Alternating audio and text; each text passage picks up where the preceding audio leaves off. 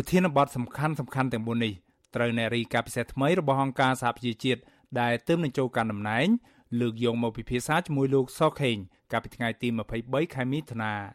រីឯជំនួបជាមួយប្រធានគណៈកម្មាធិការសិទ្ធិមនុស្សកម្ពុជា របស់រដ្ឋាភិបាល លោកកែរមីកាលពីរសៀលថ្ងៃទី24ខែមិថុនាវិញ ជំនួបនេះផ្ដោតលើវិធីសាស្ត្រនិងអធិភាពការងារនៅក្នុងអាណត្តិជាអ្នករាយការណ៍ពិសេសថ្មីរបស់អង្គការសហប្រជាជាតិទទួលបន្ទុកបញ្ហាសិទ្ធិមនុស្សនៅកម្ពុជាព្រមទាំងការប្រមូលធាតុចូលសម្រាប់របាយការណ៍ដែលនឹងត្រូវដាក់ជូនទៅកិច្ចប្រជុំក្រុមប្រឹក្សាសិទ្ធិមនុស្សអង្គការសហប្រជាជាតិលើកទី48នៅទីក្រុងហ្សឺណែវប្រទេសស្វីសនាពេលខាងមុខជំនួបទាំងពីរនេះដែលធ្វើឡើងតាមប្រព័ន្ធវីដេអូអនឡាញ គឺជាជំនួបលើកដំបូងហើយរវាងមន្ត្រីជាន់ខ្ពស់រដ្ឋាភិបាលកម្ពុជា និងអ្នកជំនាញសិទ្ធិមនុស្សរបស់អង្គការសហប្រជាជាតិដែលទើបនឹងចូលកាន់តំណែងជាអ្នករាយការណ៍ពិសេសជំនួសឲ្យអ្នកស្រី Rona Smith ចាប់តាំងពីខែឧសភាមករដ្ឋមន្ត្រីក្រសួងមហាផ្ទៃលោកសុខេងបានសរសេរនៅក្នុងទំព័រ Facebook របស់លោកថា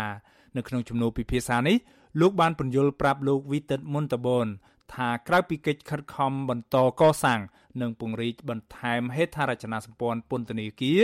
ដើម្បីដោះស្រាយបញ្ហាចង្អៀតណែនក្រសួងមហាផ្ទៃក៏កំពុងអនុវត្តនូវវិធានការមួយចំនួនទៀតដើម្បីបន្ធូរបន្ថយភាពចង្អៀតណែននៅក្នុងពន្ធនាគារ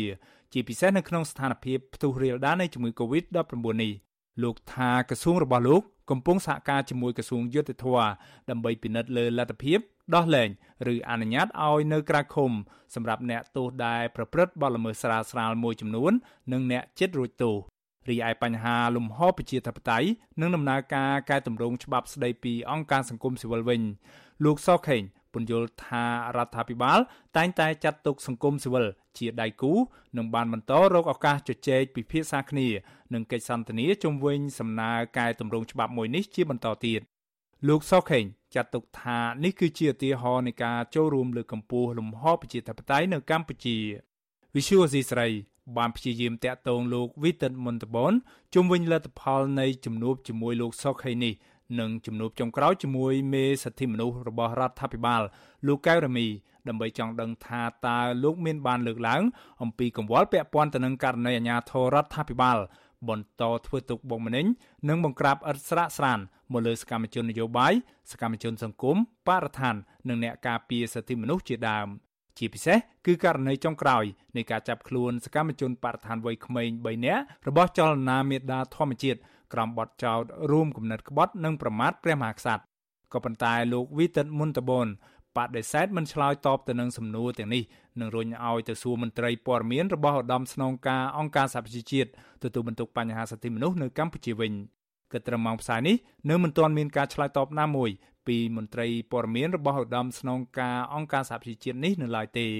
រីឯប្រធានគណៈកម្មាធិការសិទ្ធិមនុស្សកម្ពុជារបស់រដ្ឋាភិបាលលោកកៅរមីវិញ លោកបានបដិសេធមិនផ្ដល់ព័ត៌មានលម្អិតជុំវិញលទ្ធផលនៃជំនួបរបស់លោកជាមួយនឹងលោកវិទិតមុនតបននេះលោកប្រាវិសុយស៊ីស្រីយ៉ាងខ្លីថាឲ្យរងចាំតាមដានសេចក្តីប្រកាសព័ត៌មាននាពេលបន្ទាប់ដោយឡែកអ្នកនាំពាក្យសមាគមការពារសិទ្ធិមនុស្សអាត់ហុក លោកសឹងសានករណាប្រាវិសុយស៊ីស្រីថាការលើកឡើងប្រធានបទទាំង4នេះគឺជាការឆ្លុះបញ្ចាំងទៅនឹងស្ថានភាពនៅកម្ពុជា